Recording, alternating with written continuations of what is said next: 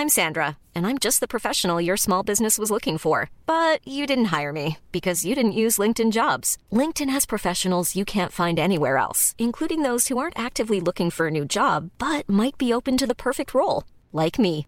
In a given month, over 70% of LinkedIn users don't visit other leading job sites. So if you're not looking on LinkedIn, you'll miss out on great candidates like Sandra. Start hiring professionals like a professional. Post your free job on linkedin.com/people today. Everyone knows therapy is great for solving problems, but getting therapy has its own problems too, like finding the right therapist, fitting into their schedule, and of course, the cost. Well, BetterHelp can solve those problems. It's totally online and built around your schedule. It's surprisingly affordable too. Connect with a credentialed therapist by phone, video, or online chat, all from the comfort of your home. Visit betterhelp.com to learn more and save 10% on your first month. That's BetterHelp, H E L P. There's never been a faster or easier way to start your weight loss journey than with PlushCare. PlushCare accepts most insurance plans and gives you online access to board-certified physicians who can prescribe FDA-approved weight loss medications like Wigovi and Zepbound for those who qualify. Take charge of your health and speak with a board-certified physician about a weight loss plan that's right for you. Get started today at plushcare.com slash weight loss. That's plushcare.com slash weight loss. plushcare.com slash weight loss.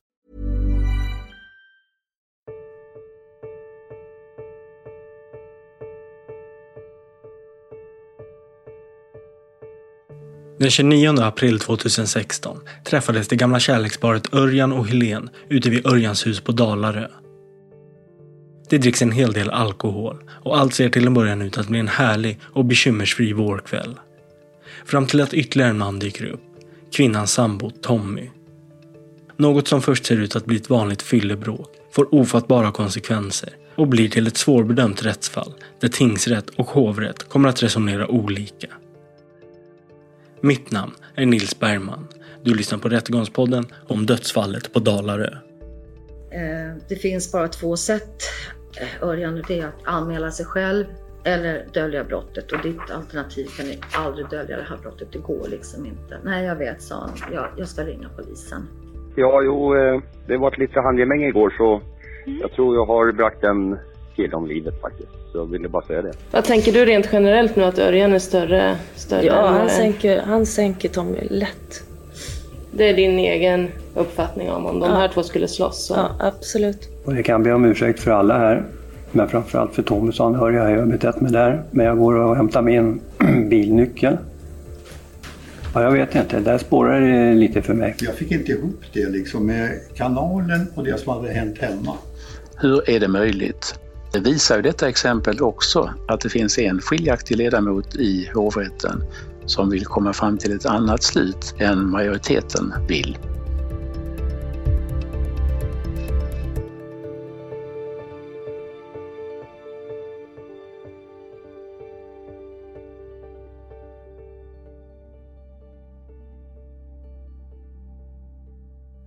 Men solen skiner och hon säger att ska vi inte sätta oss där ute och passa på medan det är så fint väder så kan vi ta en öl där nere vid lillstugan. Absolut, säger jag. Då går vi ner och sätter oss där. Den då 52-åriga Örjan och hans 35-åriga ex-flickvän Helen sitter vid en bänk utanför Örjans hus på Dalarö och dricker några öl och även en del whisky. Örjan och Helen har tidigare under flera år haft en relation med varandra. Men deras relation tog slut och Helen träffade då den 53-åriga Tommy som hon flyttade ihop med. Veckan innan denna kväll har Helen och Tommys relation bitvis varit stormig. Just denna kväll har Helen sagt att hon vill vara för sig själv och inte ha någon kontakt med Tommy. Hon bestämmer sig för att åka ut till Dalarö där hennes mamma har en stuga som står tom och passar då på att hälsa på Örjan. På den där bänken sitter nu Örjan och Helene och dricker mer och mer alkohol och båda är på väg att bli redigt berusade. Då hör Tommy av sig till Helens mobil. Hon säger kom inte hit. Nej, jag vill vara i fred. Men jag hör inte allting för hon reser på sig och går sakta iväg så här mot Dalarövägen. Så jag sitter där på bänken. Så kommer hon tillbaks och så sa hon att ja, det var Tommy.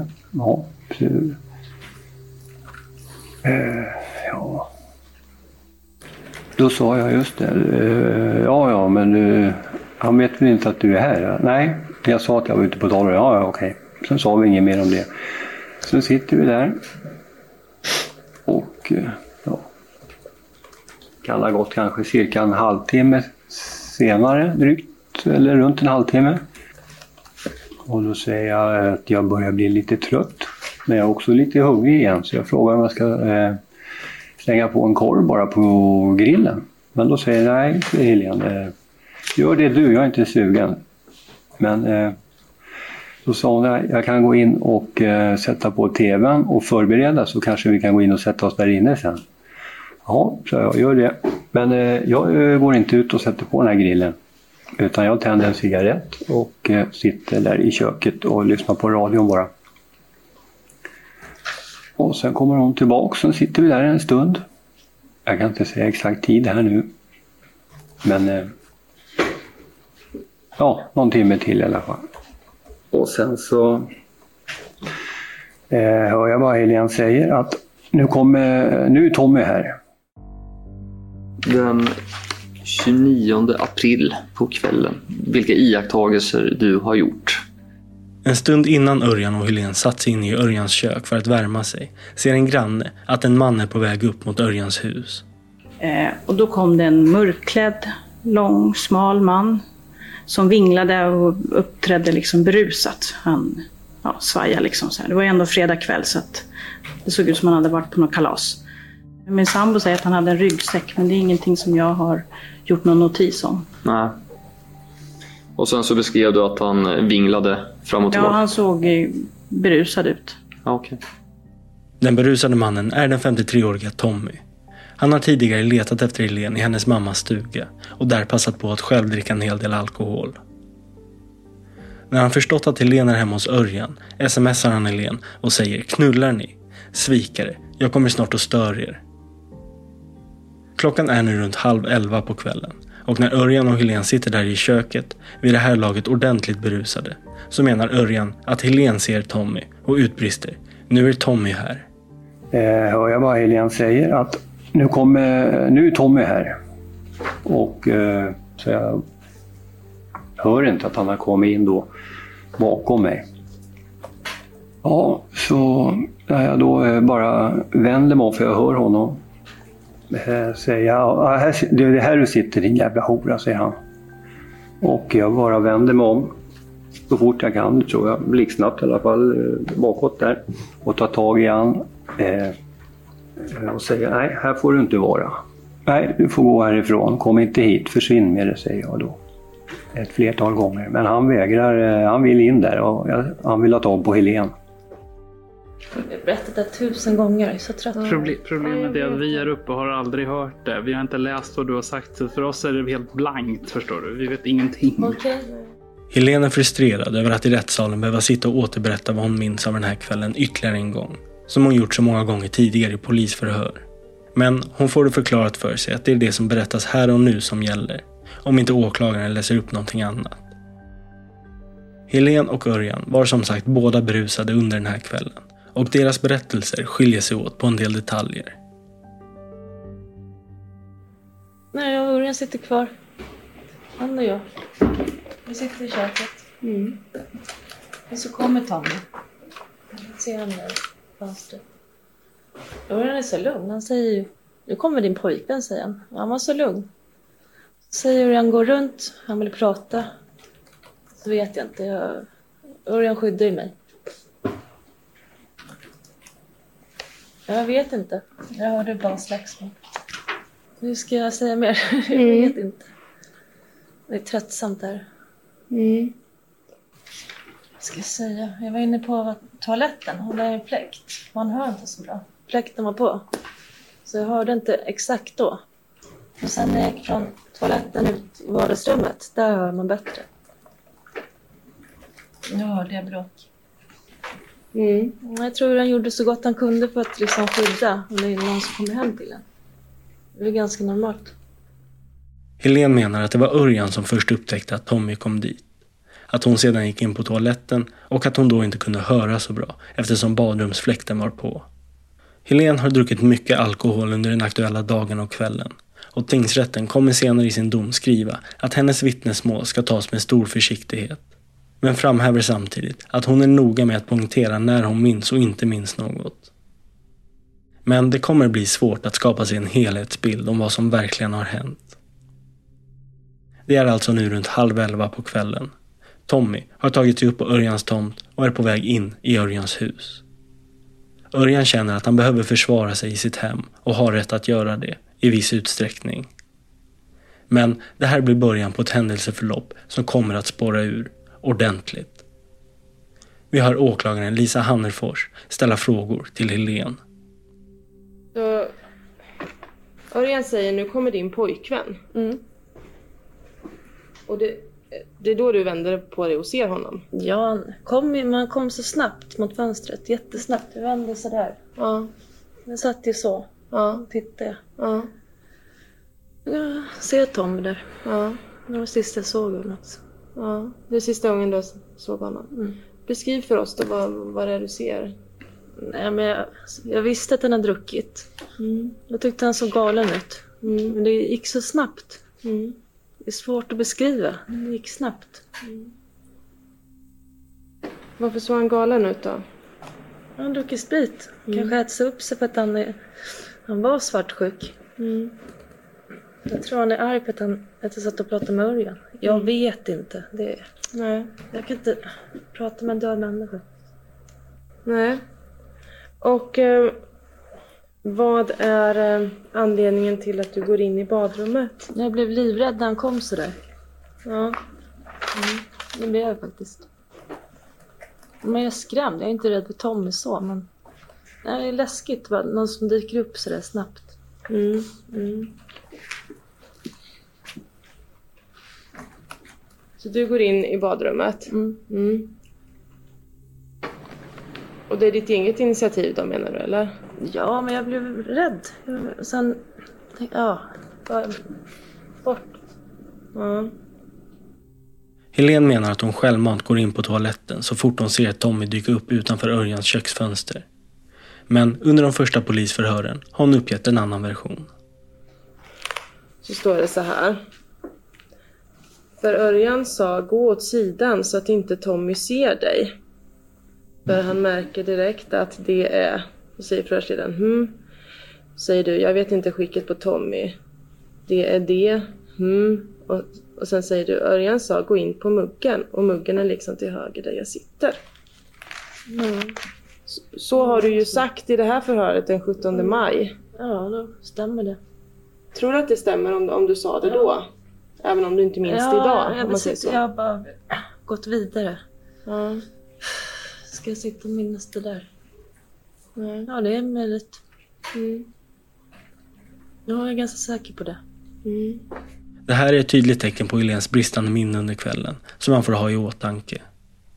Och åklagaren ställer de här frågorna för att få ett grepp om hur plötslig Tommys entré var. Om det fanns någon tid från att han dök upp fram till att han försökte gå in i huset. Eller om det mer var så att han stormade in. Enligt Örjan så är Tommy ordentligt upprörd, kliver in i hallen och agerar hotfullt. Nej, du får gå härifrån. Kom inte hit. Försvinn med det, säger jag då. Ett flertal gånger. Men han vägrar. Eh, han vill in där och han vill ha tag på Helen.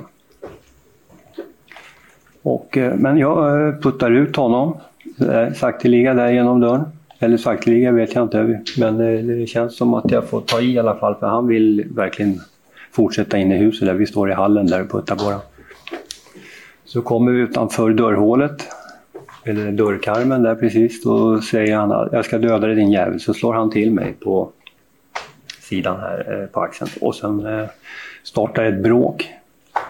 Och jag vill, kan inte säga exakt, men ett par tre slag. Jag får in en bra smäll tycker jag själv på i ansiktet någonstans där. Så han stapplar till och ramlar baklänges.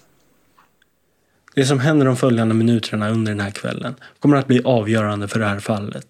Och vad som händer är svårbedömt eftersom Helen befinner sig inne på toaletten och den enda levande personen som kan berätta om händelseförloppet är Örjan.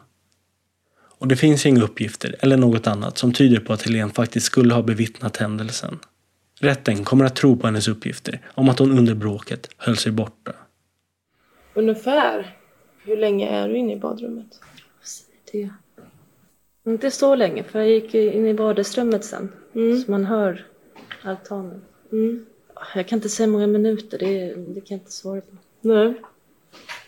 Och när du är i badrummet, hör du någonting om vad som sägs då mellan Örjan och När jag hör att det är bråk, det hörs.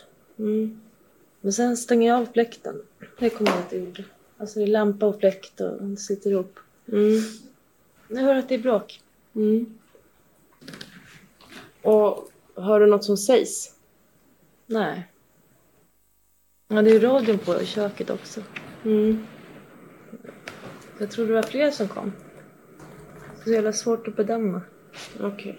Man bara hör. Örjan framhäver i rättssalen att Tommy direkt riktade ett dödshot mot Örjan och han tolkar det därför som att Tommy kommit dit för att bråka. Och medan Helen håller sig inomhus utspelar sig ett bråk på altanen. Örjan har beskrivit hur han fick in en bra träff på Tommy som gör att han säckar ihop. Men att han är snabbt uppe på fötterna igen. Eh, han kommer upp igen. Eh, jag trodde det var en bra smäll, men, eh, eller om han snubblade, eller jag vet inte. Men eh, jag, jag upplevde det som att jag fick få en bra träff där. Men eh, han kommer upp igen och rusar, inte rusar, men han går väldigt raskt mot mig igen och är ursinnig. Och så börjar vi slåss eh, där så att eh, Ja, jag slår ytterligare ett par tre slag. Får runt där på den där altanen där. Men så helt plötsligt så bara smäller det till i mitt ansikte, eller här vid haktrakten. Och eh, jag känner hans eh, hår här runt munnen, näsan någonstans. Och eh, hur jag sakteliga bara faller framåt. Så där blir jag knockad på altanen. Örjan beskriver bråket som kortvarigt, att det pågick i 15 till 20 sekunder. De utdelade några få slag mot varandra, men främst var det Örjans fullträff på Tommy han kommer ihåg, samt Tommys skallning mot Örjans mun, som får Örjan att själv för en kort stund säcka ihop. Någon sådan skada vid Örjans mun kommer inte att upptäckas när han sedan undersöks av en rättsläkare. Men däremot kommer man finna omfattande skador på Tommys kropp. Helen kan inte heller redogöra för hur lång tid bråket pågår. Men åklagaren vill veta om Helen hört någonting som stuckit ut. Så som kanske ljud från sparkar eller stampningar. Och när du hör att, att det är bråk, säger du. Kan du på, på något sätt försöka beskriva för oss vad det är för ljud du hör då? Slagsmål, hur ska jag beskriva det? Man hör att det är bråk. Mm. Jag kan inte beskriva i detalj så. Nej. Jag hör att de bråkar. Mm. Och sen när jag då ligger där och vaknar upp, då ligger jag framåt för jag vet exakt det här med händerna. För jag ligger när jag vaknar upp, då tänker jag så här och känner med händerna i altanen så här. Och så trycker jag till och bara ställer mig upp. Men då hör jag ett litet ljud så jag bara... Jag förstod aldrig riktigt var det kom ifrån egentligen. Så jag står kvar där då och bara försöker lyssna efter det här ljudet. Och sen hör jag det en gång till, något lite ja, gurglande ljud kan man väl säga. Och då går jag fram eh, och tittar ner. Och då till min förvåning så sitter han exakt med min betongtrapp ner på sidan där. Så jag ser eh, ryggen ner på honom och nacken så här. Så då beger jag mig ner där. Du säger att du, du är inne i vardagsrummet, så du gick inte Mm. ut och titta. Nej. Och du berättade att du tänkte ringa polisen. Mm. Men det tar dem 20 minuter att komma, Mm. så det var ingen idé. Det var ingen idé. Och sen då?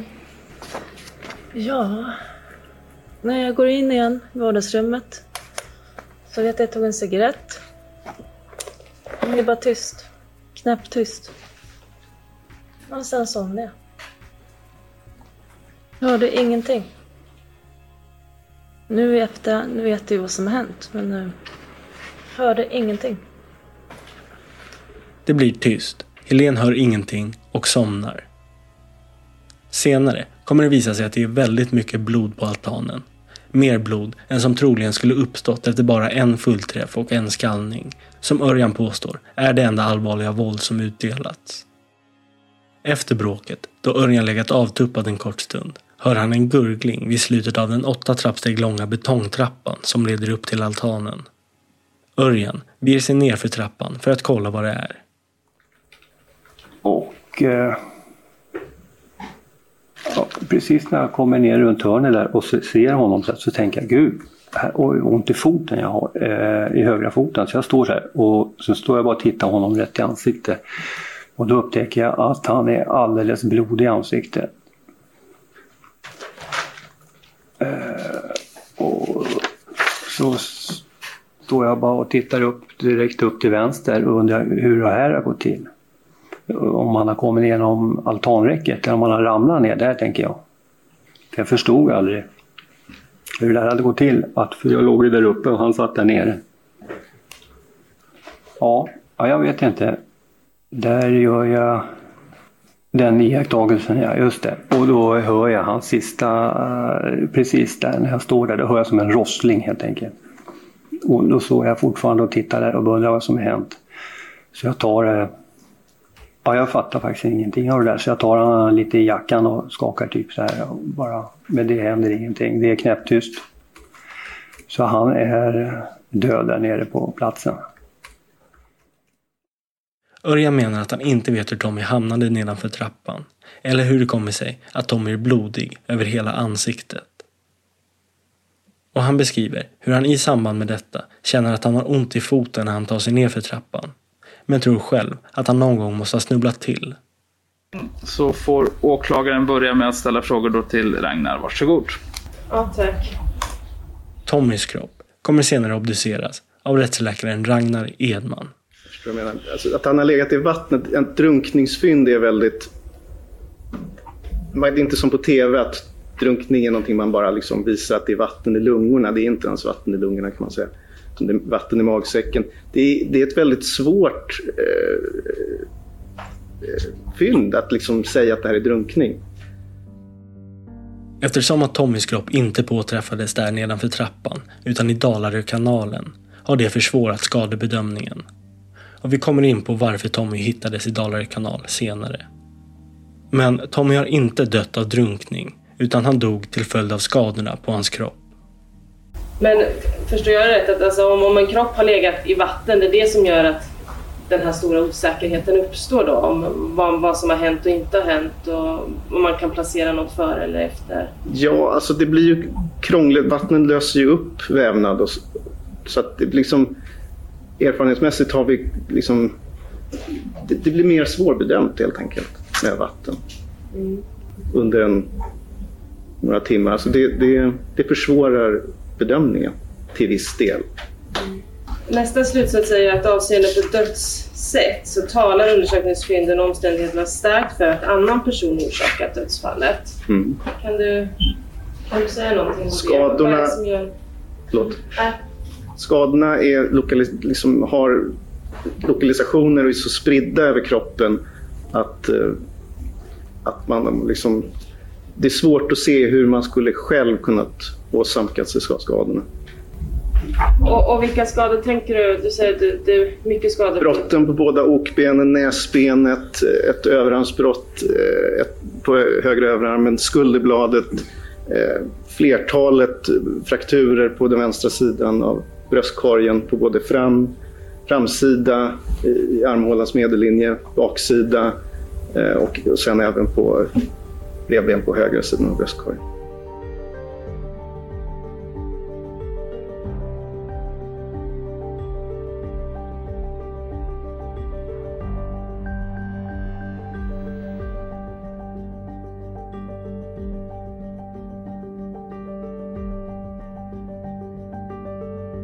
Dagen efter det här bråket, på lördag morgonen den 30 april, vaknar Helene upp ovetandes om vad som under kvällen och natten har skett. Ja, berätta från det då. Ja, jag vaknade ju. Eh, Örjan ligger där. Och så frågade jag direkt vad Tommy är. Han sa han är inte här. Jag går ut i köket och sätter på kaffe. Och sen började han prata. Då sa han vad som hänt. Hon ligger i kanalen, sa han. Vad mer? Nej, vi pratade inte så mycket. Han sa gå över till Lennart, alltså det är hans pappa. Mm. Gå dit och ringde. Det gjorde han också.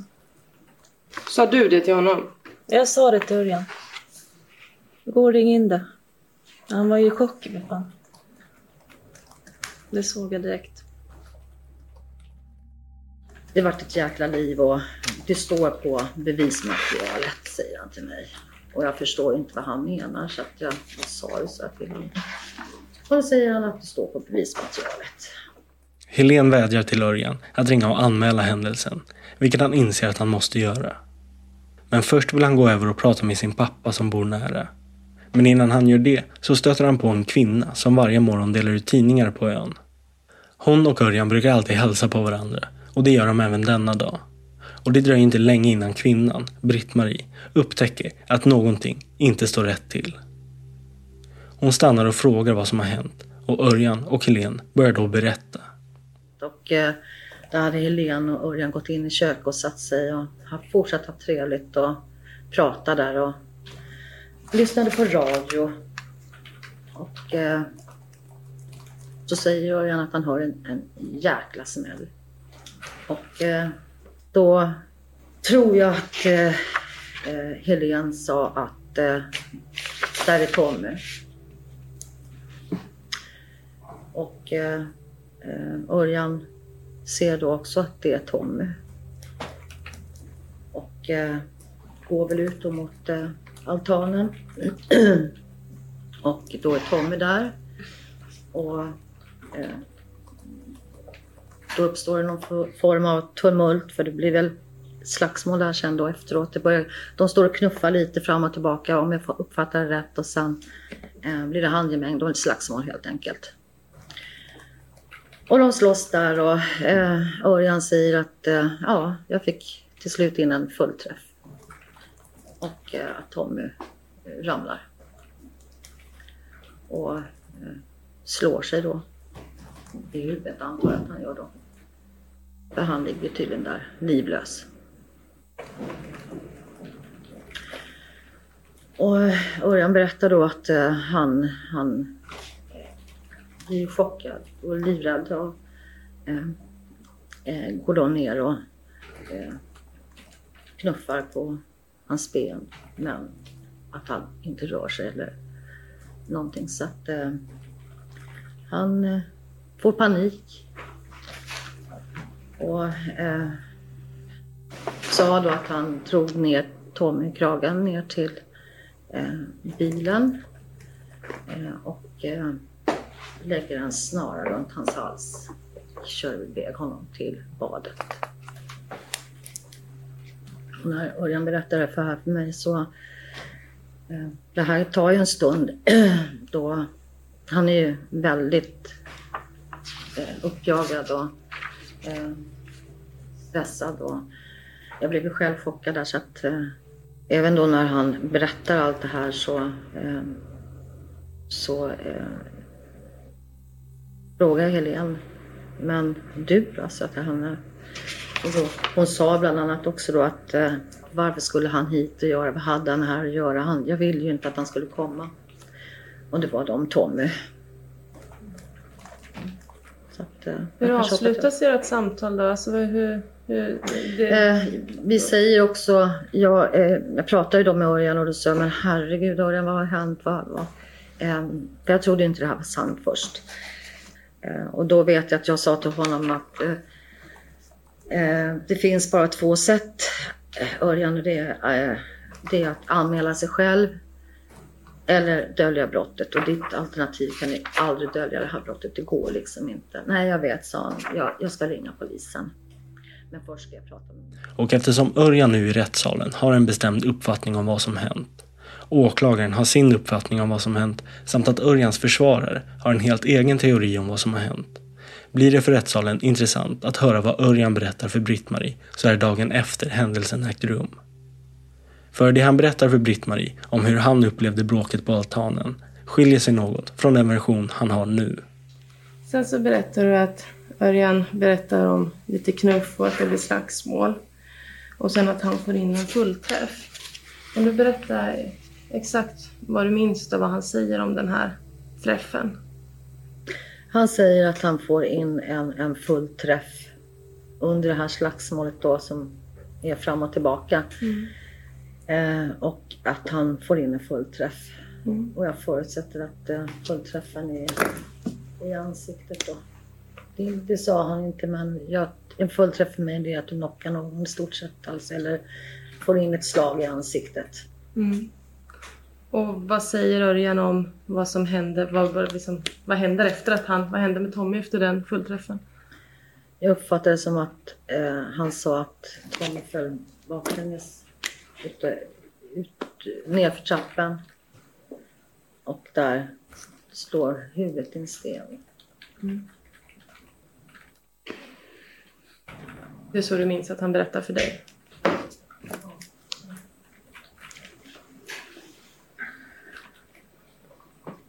Visade han på något sätt när han gjorde han några rörelser i samband med att han berättade det här? Alltså jag tänker att han åker ner för en trapp och slår huvudet i en sten. Var det några gester kring hans berättande? Eh, han, han gjorde en nick. Eh, att han ramlade ner där, ner för trappan. Alltså, det är ju tyvärr lite grann, eh, det är lite svårt med Örjan. För Mm. att eh, han uttrycker sig lite, lite dåligt ibland. Han utelämnar ord. Mm. Så man får liksom, när han gör den här nicken så eh, då får man liksom försöka hänga med hur han menar. Mm. Han, han har lite svårt att uttrycka sig. Eh, han har kanske inte så bra ordförråd, inte så nyanserat språk. Och han eh, nickar så jag, jag tar för givet att det är givetvis trappen han menar för han säger att han ramlar ikväll. Ja.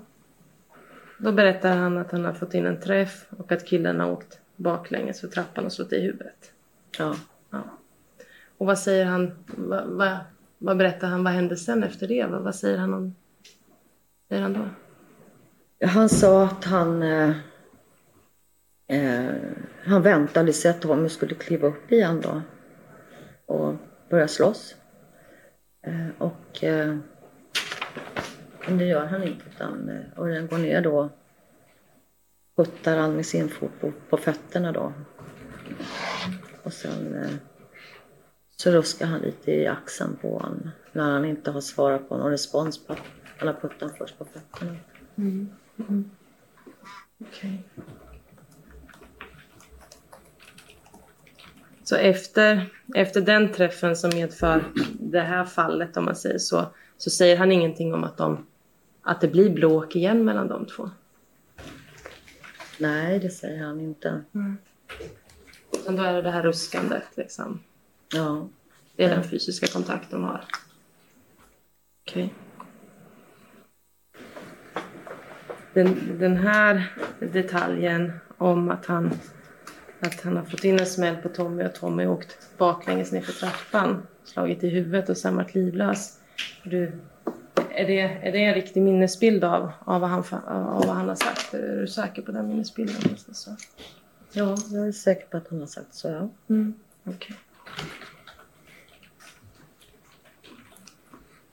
Vad, vad berättade Örjan om, om, om han själv hade liksom blivit utsatt för någonting? Om, alltså vad, om det hade hänt någonting med honom i det här slagsmålet? Eller vad, alltså vad Tommy hade gjort rent fysiskt på honom? Om, om, om han sa någonting om det?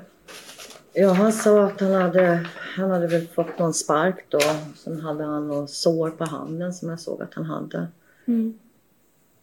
Det, det är nog det jag minns att han har sagt. Ja. Berättade han om han... Sa han någonting till dig om att...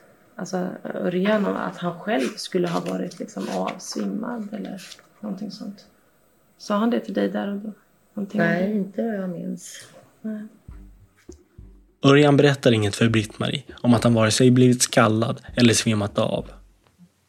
Örjan står i tingsrätten åtalad för mord på Tommy, något han nekar till. Han erkänner dock att de har bråkat, men menar att han inte varit upphovet till att Tommy fått sina dödliga skador. Men något som kommer att bli lite intressant är orden Örjan lämnar Britt-Marie med innan han senare går vidare till sin pappa. Kan du säga någonting om, du var inne där här liksom lite på hur, hur det avslutas era, era samtal. Va, va, hur uttrycker sig Örjan om, om han nu gör det då? Alltså framtiden, vad som kommer hända nu då? Han ska gå och ringa polisen och vad, vad, vad händer sen då? Eh, han säger till mig, vi står där och pratar och eh, han är upprörd, uppjagad. Och han säger att eh, nu måste jag gå in till pappa och prata med honom och eh, eh, precis då nästan när han ska gå så säger han att eh, eh, ja, det var inte så här jag hade tänkt mig min pension. Mm. Jag får väl 20 år och det är hans sätt att uttrycka. Han, han har sina uttryck och jag, jag tolkar det som att han, han kände sig väldigt... Eh, han mådde väldigt dåligt. Mm. Mm. Så tolkar jag honom i det läget. Mm. Så han, såg, han såg ingen framtid helt enkelt. Så kom han in i alla fall och ja, vi, ställde oss, vi stod på trappan. Efter mötet med Britt-Marie inser Örjan att han måste ringa och anmäla sig själv. Men vill som sagt först gå över till sin pappa och berätta vad som har hänt. Och det han berättade var ju att eh, Helen hade kommit på kvällen. Eller vilken tid vet jag inte, det pratar vi inte om. På, efter ett tag så hade det kommit en man dit. De var alldeles vansinnig. Ryan Reynolds här från Mint Mobile. Med priset på price allt som går upp under inflationen, trodde vi att vi skulle bring våra priser down. So to help us, we brought in a reverse auctioneer, which is apparently a thing. Mint Mobile unlimited premium wireless. Ready to get 30, 30, bit to get 30, bit to get 20, 20, 20, bit to get 20, 20, bit to get 15, 15, 15, 15 just 15 bucks a month. So, Give it a try at mintmobile.com/switch. slash $45 up front for 3 months plus taxes and fees. Promo rate for new customers for limited time. Unlimited more than 40 gigabytes per month slows. Full terms at mintmobile.com. If you're looking for plump lips that last, you need to know about Juvederm lip fillers. With Juvederm Volbella XC and Juvederm Ultra XC, your lip look, whether it's subtle or bold, can last up to one full year with optimal treatment and no additional maintenance. Find a licensed specialist and see if it's right for you at juvederm.com today. That's J U V E D E R M.com. Add fullness to lips in adults over 21 with Juvederm Volbella XC or Juvederm Ultra XC. Do not use if you have severe allergies or a history of severe allergic reactions, or if you're allergic to lidocaine or the proteins used in Juvederm. Tell your doctor if you have a history of scarring or taking medicines that decrease the body's immune response or that can prolong bleeding. Common side effects include injection site redness, swelling, pain, tenderness, firmness, lumps, bumps, bruising, discoloration, or itching. As with all fillers, there's a rare risk of unintentional injection into a blood vessel, which can cause vision abnormalities, blindness, stroke, temporary scabs, or scarring. For full important safety information, visit juvederm.com. Everyone knows therapy is great for solving problems, but getting therapy has its own problems too, like finding the right therapist, fitting into their schedule, and of course, the cost. Well, BetterHelp can solve those problems. It's totally online and built around your schedule. It's surprisingly affordable too. Connect with a credentialed therapist by phone, video, or online chat, all from the comfort of your home. Visit betterhelp.com to learn more and save 10% on your first month. That's BetterHelp H E L P. Och skrek bara att eh, han skriker Jag ska slå ihjäl din jävla hora, jag ska slå ihjäl dig med. Det var Örjan talade om för mig. Mm. Och han försökte tränga sig in i huset. Örjan hade och försökt mota ut honom och han sa till honom vad han sa då. Fem gånger bad jag honom att gå härifrån. Du har ingenting här att göra. Men han brydde sig inte. Utan han var lika aggressiv fortfarande. Så det blev väl någon handgemäng någonting så att om den här killen hade farit ner på altangolvet vad jag förstod. Efter vad han berättade Örjan. Så reste han sig upp igen och var lika aggressiv, om inte värre. Och skulle på igen. Och enligt det så vet jag inte om de hade slått eller någonting, det vet jag inte. Men eh, tydligen så gjorde de det och Örjan sa någonting att han måste ha fallit ner i trappen. Jag vet inte om Örjan inte såg att han föll i trappen eller inte, men att han måste ha fallit, fallit ner i trappen. Men eh, ja. Sen, sa, sen började han att prata om någonting med kanalen. Jag fick inte ihop det liksom med kanalen och det som hade hänt hemma. Det var för mig en gåta. Vadå, huset och sen kanalen? Det är ju ganska långt, det är väl nästan en kilometer emellan. Sen var det ju så vimsigt på alla sätt och jag var lite halvchockad vad som hade hänt. Och det tror jag Örjan, han verkar väldigt uppriven. Klockan 13.00 på lördagen ringer Örjan 112 och anmäler sig själv. Och det han uppger i larmsamtalet kommer också ställas mot vad han senare berättar i rättssalen. I samtalet nämner Örjan att han tror att han brack Tommy om livet. SOS 112, vad har inträffat? Ja, hej Örjan heter jag. Jo, eh, det var ett lite handgemäng igår så Mm. jag tror jag har bragt en kille om livet faktiskt. Så jag ville bara säga det. Vad, vad, är, vad är det som... Du är inte på plats hos den här personen alltså? Ja, jag är hemma nu men det här hände igår kväll så att eh, jag bara kom underfund med det nu. Så då tänkte jag anmäla mig. Ja, jag ska koppla in det till polisen. Vänta kvar. Mm. Polisen Sann. SOS-samtalet. Ja. Ja, hej hej. Hej. Ja, Örjan heter jag. Eh, jo, jag ringer för att eh, det var ett lite handgemäng igår och eh, jag misstänker att jag har bragt en om livet. Men jag skulle bara säga det. Ja, vad är det som har hänt då? Ja, jag, och han boxades lite och sen kastade jag han i sjön. Och jag tror inte han klarade det. Va, hur kommer det sig att ni börjar slåss då? Eh, min gamla tjej som han är ihop med var här. Ja.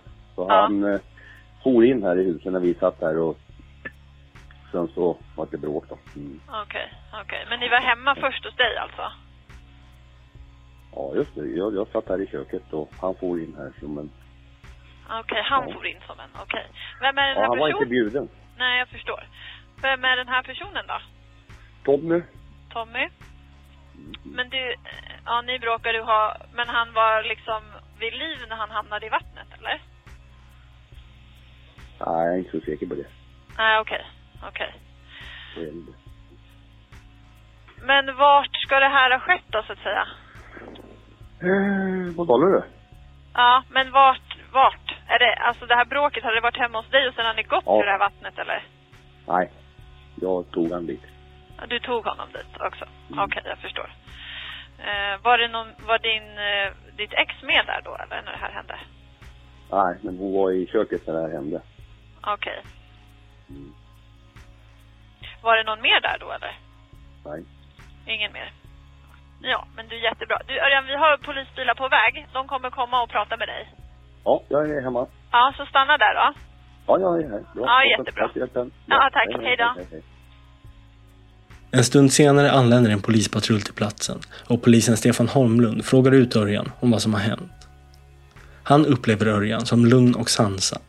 Att han inser situationens allvar och vet vad som gäller ställde någon fråga om någonting, hur, vad som hade hänt och då var det då att eh, en, eh, en man eller en person hade kommit in i hans bostad då, och det hade uppstått bråk.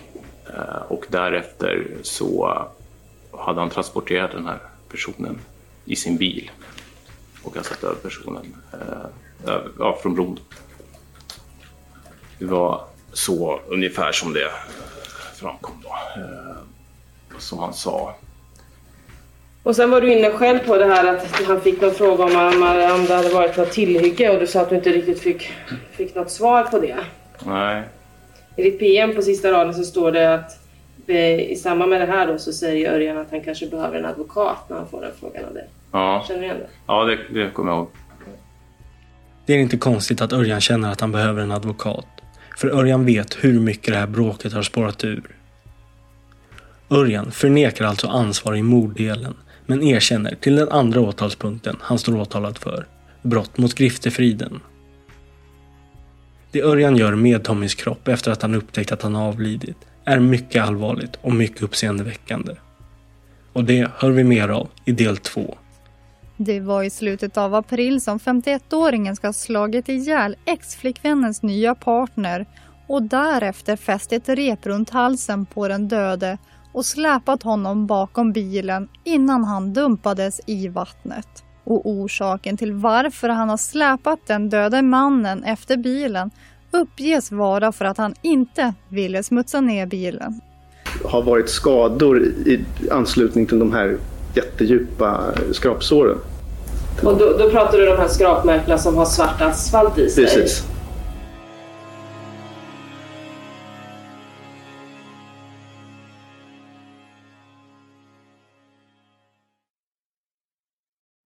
Rättegångspodden är en Tall Tale produktion. Ansvarig utgivare är Jonas Häger. Och Rättegångspodden görs i samarbete med Lexbase. Ange rabattkoden Rättegångspodden när du blir ny betalande medlem på lexbase.se och få tre kostnadsfria domar.